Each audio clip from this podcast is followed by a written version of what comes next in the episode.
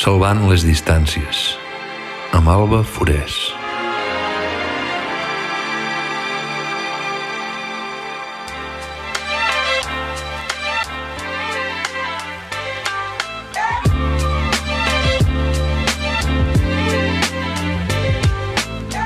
Hola, sóc Alba Forés i això és Salvant les distàncies, un podcast amb un peu a la ciutat i l'altre al territori. Un podcast per als qui ho volem tot, el poble i la ciutat. Qualitat de vida sense perdre ni un gram d'energia ni cap oportunitat de connexió allà on passen les coses, al centre de l'acció. Salvant les distàncies vol ser un espai d'anada i de tornada, perquè ja no som de poble o de ciutat, som les dues coses alhora, perquè totes busquem el mateix. L'equilibri entre el món rural i el món urbà. El millor de cada cosa, la tranquil·litat del poble, els serveis de la ciutat, l'aire pur de la muntanya, el fet que ningú et coneix... Però alguna cosa ha canviat. Ja no volem fugir del poble o de la ciutat, volem fer-ho compatible.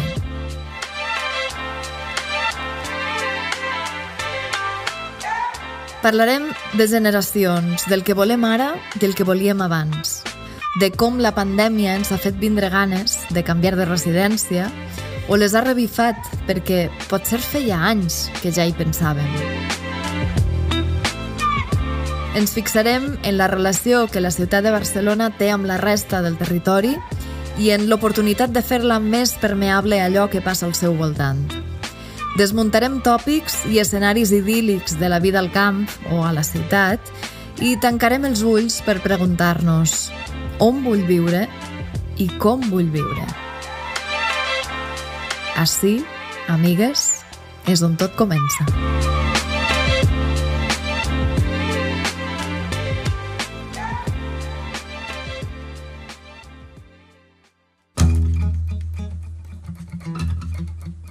Nosaltres, que hem volgut anar a la ciutat, vivim sempre anant i tornant, però sobretot tornant. I cada vegada que tornes descobreixes un fil més d'identitat que encara no sabies. Perquè sense adonar-te'n, amb aquest moviment d'allunyar-te i acostar-te, construeixes el teu feminisme particular. Era la veu de la periodista i escriptora Anna Zaera. Com que això és el primer capítol i encara no ens coneixem, eh, t'explicaré qui sóc. Soc valenciana, establerta a les Terres de l'Ebre, amb un peu a Barcelona.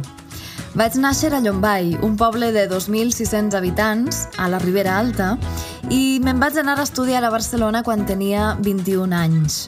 Vaig fer comunicació audiovisual a l'Autònoma i quan vaig acabar la carrera vaig entrar a treballar a Catalunya Ràdio i a ICAT FM com a locutora guionista d'informatius i programes culturals. Aquella va ser la meva escola. La ràdio em va servir per explicar el més essencial en només un minut o 30 segons. La pressió del directe, enviar una crònica o quadrar els senyals horaris va ser una experiència única. Ara, després de 15 anys vivint a la ciutat, visc a Tortosa, al Baix Ebre, una ciutat menuda o un poble gran, si tu vols, amb riu, el riu Ebre, en el punt exacte entre Barcelona i València. L'últim canvi no ha estat un mer trasllat, sinó tot un viatge, el mateix que han viscut, pensat o desitjat moltes altres persones que han decidit canviar la ciutat per un lloc més habitable o més alineat amb la vida. Persones que cada dia busquem l'equilibri entre territori i gran ciutat. No sé vosaltres, però jo visc des del 1984 salvant les distàncies.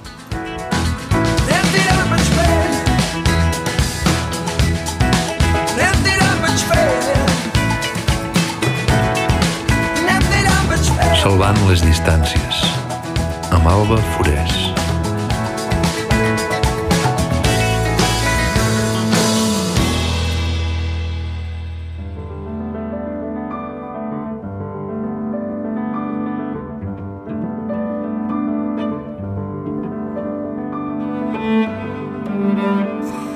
Fa especial il·lusió poder parlar amb Peter Siman, eh, violoncel solista de l'Orquestra Sinfònica del Gran Teatre del Liceu durant 33 anys, també professor del Conservatori del Liceu a Barcelona i fundador i director artístic de l'Acadèmia Internacional de Música de Solsona, l'AIMS, que és un festival que durant els mesos d'estiu descobrís joves talents de la música clàssica internacional. De fet, em sembla que a Peter li agrada dir que és el primer festival pedagògic del país i la gràcia és que ho fa eh, des de comarques, des de la Catalunya central, amb una programació de concerts que arriba pràcticament a tots els racons del Solsonès i també a punts del Bages, a Moianès, Baix Llobregat, Segarra, a Alt Urgell, i si, me'n deixa alguna, Peter, ja m'ho diràs.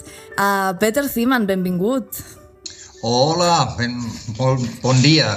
Deixa'm explicar molt, molt fugaçment que tu i jo ens vam conèixer fa 3 anys, no? el 2018. Eh, exactament. Quan van coincidir a l'equip organitzador de l'AIMS, tu com a director artístic i jo des de comunicació. Exactament, i tinc un molt bon record d'aquesta edició del 2018, sí. Absolutament, i a mi em va sorprendre, em va al·lucinar com es transformava Solsona durant aquells dies, no? gent vinguda d'arreu del món, uh, gent molt jove, joves talents, allò que impressiona realment. Uh, i, i com, en fi, eh, es transformava cap per avall, però sobretot el, la, el tour de 14 eh, pobles no?, que van fer i com, com s'escampa tot això. Abans de res, em sembla que feu 20 anys en guany.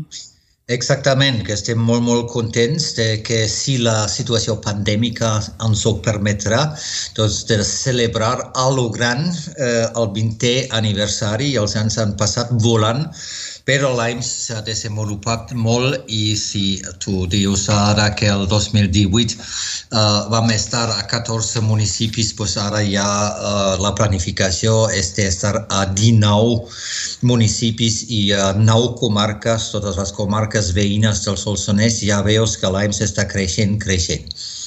Moltes felicitats perquè realment té molt de mèrit. Jo també t'anava a preguntar Tu has viatjat per mig món com a solista, com a professor convidat, també fas classes presencials.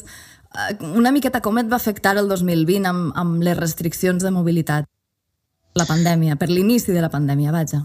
Molt bé, mira, he de distingir entre l'experiència a nivell personal i l'experiència a nivell professional. A nivell personal eh, he passat i estic passant molt bé uh, aquesta, aquest temps de pandèmia i això degut, i segur que ara parlarem d'això perquè és el tema de la conversa, perquè he tingut la sort de poder passar eh, tot el confinament de la primavera a la meva casa del Solsonès, és a dir, que jo no tenia cap mena de confinament físic perquè podia sortir i entrar en el bosc eh, que està al costat de la casa i doncs gran part també de la segona ona ara i la tercera doncs estic o en el parc de Collserola o estic doncs, a, la, a aquesta residència del Solsonès. Doncs al nivell personal molt, molt, molt bé i molt millor que la majoria de la, de la gent.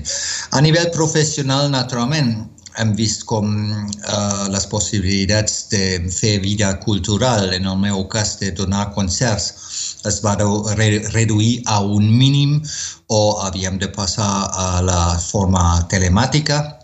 El mateix passa amb les classes. Ara mateix sí que estem donant classes al Conservatori Superior de Música del Liceu presencials, però durant tot el temps del confinament no, i és cert que això ens va limitar molt, perquè no és el mateix d'escoltar a un jove violoncel·lista presencialment o amb la qualitat limitada de, dels equips d'ordinadors, no? Uh, doncs, però encara així, uh, em sembla que ho estem sobrevivint bé, però s'ha de fer sacrificis. Diríem que has guanyat salut, però la cultura se n'ha ressentit una mica, no? O sigui, Natur jo, jo et sent molt bé, sones molt bé, sones com molt serè, no, molt... No? com dic, a nivell personal no tinc cap mena de queixa. Només desitjo especialment el, als joves que s'acabi quan abans millor perquè em sembla que els joves que estan en plena en època de formació i que volen fer vida universitària, etc., doncs em sembla que són els que més pateixen i la gent gran, naturalment. Uh, anem al tema. Tu ho has explicat una mica, on vius ara, com que Salvant les distàncies no deixa de ser un podcast sobre la dualitat urbana i sí. rural. A mi m'agradaria que ens explicares la teua història, eh, eh, que així resumit i explicat molt malament és la d'un alemany que arriba a Barcelona, entra a l'orquestra del Liceu, on es queda a treballar també com a professor, i un bon dia s'enamora del Solsonès, munta un festival de música clàssica i acaba llogant, atenció, una rectoria per viure-hi sí. part de l'any. Uh, anem a PAMS. Uh, quan arribes a Barcelona i abans d'això, com és el lloc on vas néixer? Pues mira, que jo vaig néixer a una ciutat eh, que es diu Marburg, que és eh, relativament a prop de Frankfurt, però a partir dels 3 anys ja vaig viure a la meva ciutat natal dels meus pares, a Wuppertal, que és a prop de Colònia. Vaig estudiar al sud d'Alemanya i després a Estats Units també, i al tornar als Estats Units doncs, tocava buscar feina i vaig trobar doncs, aquesta, vaig guanyar les oposicions en el Gran Teatre del Liceu com a solista de l'Orquestra Sinfònica i el mateix any també eh, ja em van convidar de formar part del claustre de professors del Conservatori Superior del Liceu. Eh, la història que em demanes contar és una història que conto amb molt de gust perquè és una història molt bonica. Doncs jo vaig arribar a Barcelona en el 1987 vaig llogar un pis davant del Liceu, és a dir, en ple centre de la ciutat, i uh, des de sempre, sempre la naturalesa, especialment la muntanya, em va atraure molt.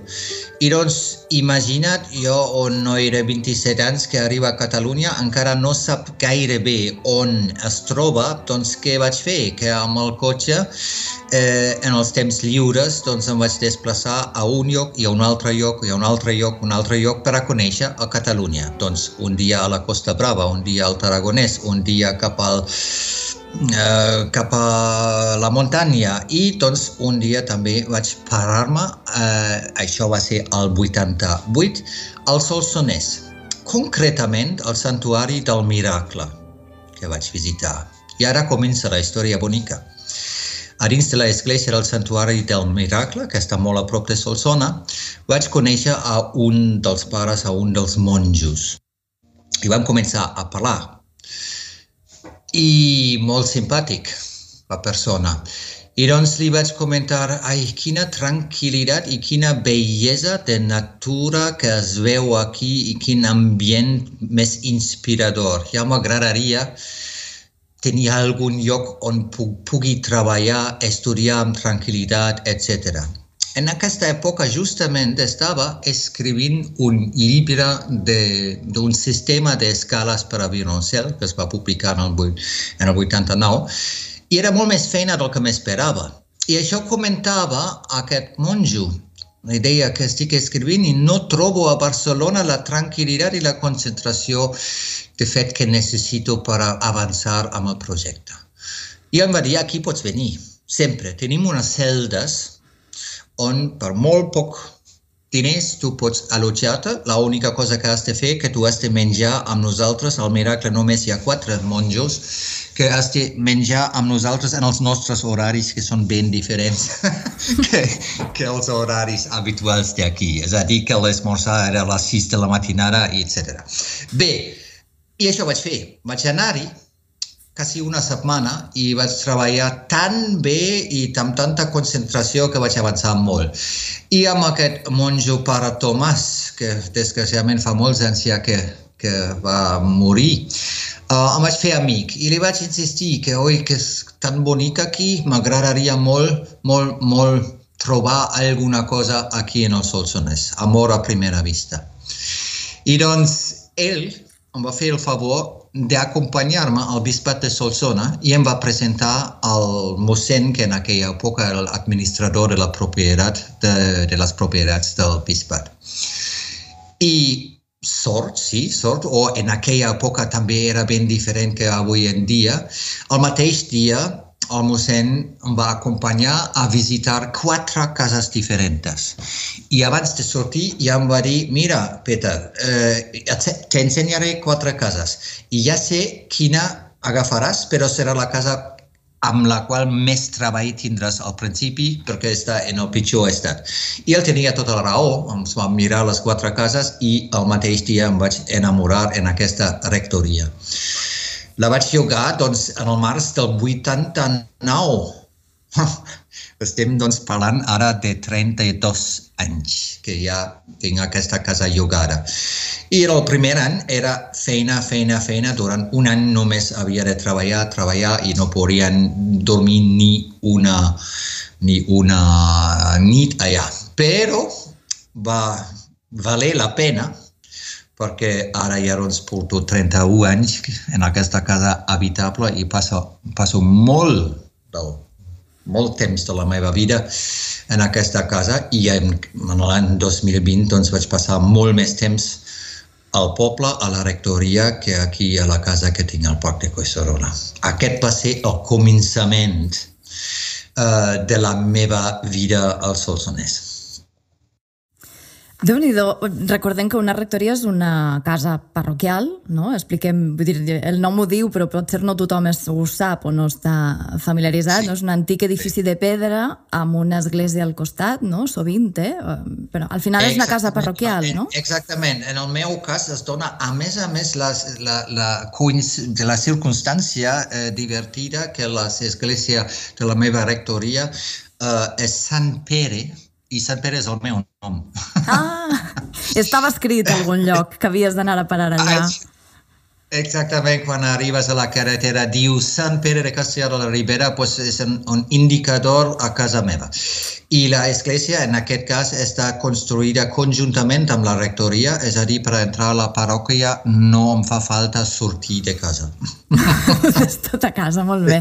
I, bueno, has dit que el 2020 vas passar bastant temps allà. No sé com era la rutina de Peter Zeman uh, en, anem a dir, en any de pandèmia, però no, no ens quedem allà. O sigui, quant de temps passes allà al cap de l'any o al cap de la setmana? Eh, jo diria en temps normals eh, és com una tercera part de la meva vida que passo allà. Això naturalment té molt a veure també amb el tema de l'acadèmia la, i del festival que fa que jo tinc també sempre quan estic al Solsonès tinc feina per organitzar el festival, l'edició de l'any següent i eh, doncs estic molt vinculat. Una altra cosa que també passa és, i d'això hauríem de parlar una mica més endavant, potser durant aquesta conversa conversa és que els vincles que tinc al nivell personal, al nivell d'amistats amb la gent, els vincles que tinc eh, al Solsonès doncs, són molt, molt, molt més estrets que els vincles humans que tinc a Barcelona. Podem dir que primer et vas enamorar del lloc i del paisatge i després de la gent o, o va anar tot alhora? Primer del paisatge, primer de la naturalesa i de la muntanya, que tant m'agrada, primer, i després amb la gent. I això té una explicació. Eh, estem parlant d'una zona rural i molt poc poblada, al Solsonès. Això fa que la mentalitat, mentalitat de la gent és una mica re reservada. És a dir, quan es troben amb gent que no coneixen, eh, els costa eh, fer amistat, els costa. És normal, perquè normalment no coneixen a gent que no són del poble o del poble del costat, no? I doncs en el meu cas, a més a més, resultava com si jo entrava com a estranger a, a la rectoria del poble. I ahir havia oposició. I això va causar que al principi va ser una mica difícil perquè la gent uh, estava molt, molt reservada a mi. Però això va ser una qüestió d'un mig any, una cosa així. En canvi, un cop que un cop superada aquesta uh, reserva, diguéssim, doncs eh, el resultat era tot el contrari, que, les, que la gent uh, obria les seves portes i, i tenien i m'integraven molt, molt, molt amb la qual puc dir avui, si em sento integrat al 100% en la societat catalana, doncs, doncs és ahir el Solsonès. I això ho agraeixo molt i em fa sentir-me molt bé. Ah, és molt bonic. Jo t'anava a preguntar com és l'acústica de la rectoria. Com sona el violoncel allà dins? Eh, a la sala gran sona una mica una església, però jo, com quan estic estudiant, no vull que soni massa bé, perquè si no, no milloro. Doncs uh, vaig a una habitació petita on vaig posar una catifa perquè sigui menys, menys ressò i doncs estudio en un lloc eh, on tinc més la, la, la dura realitat del meu so i ho estic intentant de, intentant de millorar. Però després entrar a l'església i tocar i quasi sonar per si mateix, no? Com, com que tot s'eleva, no?, una mica. Sí, sí, sí. Uh, jo ja per acabar t'anava a preguntar una mica tornant al títol del podcast, salvant les distàncies, a mi m'agradaria preguntar-te quina distància t'agradaria salvar, pot ser física, geogràfica, però també, ara quan parlaves de les distàncies o de la percepció de la gent al món rural, amb la gent vinguda d'arreu, de fora, no? en, en general, uh, no sé quina distància t'agradaria salvar diria que ahir jo no posaria uh, cap distància i és just això el que és, és la meva experiència i el, el món rural que la gent un cop que t'accepten en, en, en el seu entorn doncs no posen distàncies, posen molt més distància a la ciutat. I és per això i la gent s'ajuda, un, un ajuda l'altre, no? I és, eh, doncs, ahir no hi ha distàncies i, i això agraeixo molt i, i em fa sentir-me molt bé, no? És evident que ara si parlem de distàncies físiques per el tema de la pandèmia eh, també és evident que estar al camp eh, és una gran avantatge perquè les distàncies són automàtiques, no? Estem en un poble de 140 persones i cada 2-3 quilòmetres hi ha una casa. Per tant, les distàncies estan garantitzades. I et tranquil·litza també. Mm. Peter Ziman, un plaer. Moltes gràcies. Moltíssimes gràcies a tu, Alba. A reveure aviat.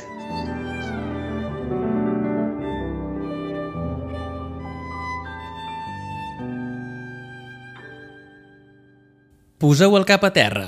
O, encara millor, aparteu la vista del que estigueu mirant i doblegueu el cos amb les cames separades fins que vegeu el món de cap per avall. Com s'ha transformat, des dels branquillons de bruc de més a prop fins al replec de terra més llunyà. Cada detall es mostra en la seva validesa.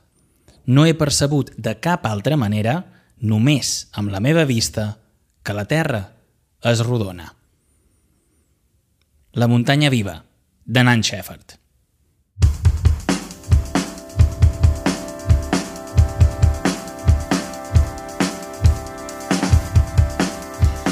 Doncs ja ens hem estrenat fins així el primer capítol de Salvant les distàncies, un podcast per als que ho volem tot, el poble i la ciutat. Amb Ignasi Canals, al disseny sonor, Josep Adella, al control tècnic i Roger Mas, a la veu de capçalera. Salvant les distàncies, amb Alba Forés. Gràcies també a Hugo Harrison, alias Vanilla, que molt amablement ens ha cedit el tema de sintonia, Loving You, i a Bank Rover per cedir-nos el tema Anem tirant, de Xarí Maresté. Este podcast forma part del projecte Arrels, on trobareu tots els capítols, així com també a les plataformes habituals com Spotify o Apple Podcast. M'agradarà saber què us ha semblat i que m'envieu opinions, suggeriments o propostes al mail info arroba albaforés.com i també em trobareu a xarxes. Em trobareu a Instagram com a alba.forés i a Twitter com a albaforés, així tot junt. Res més, moltes gràcies per escoltar-nos i espero que continuem plegades salvant les distàncies. We can weed our bound We shed our guidance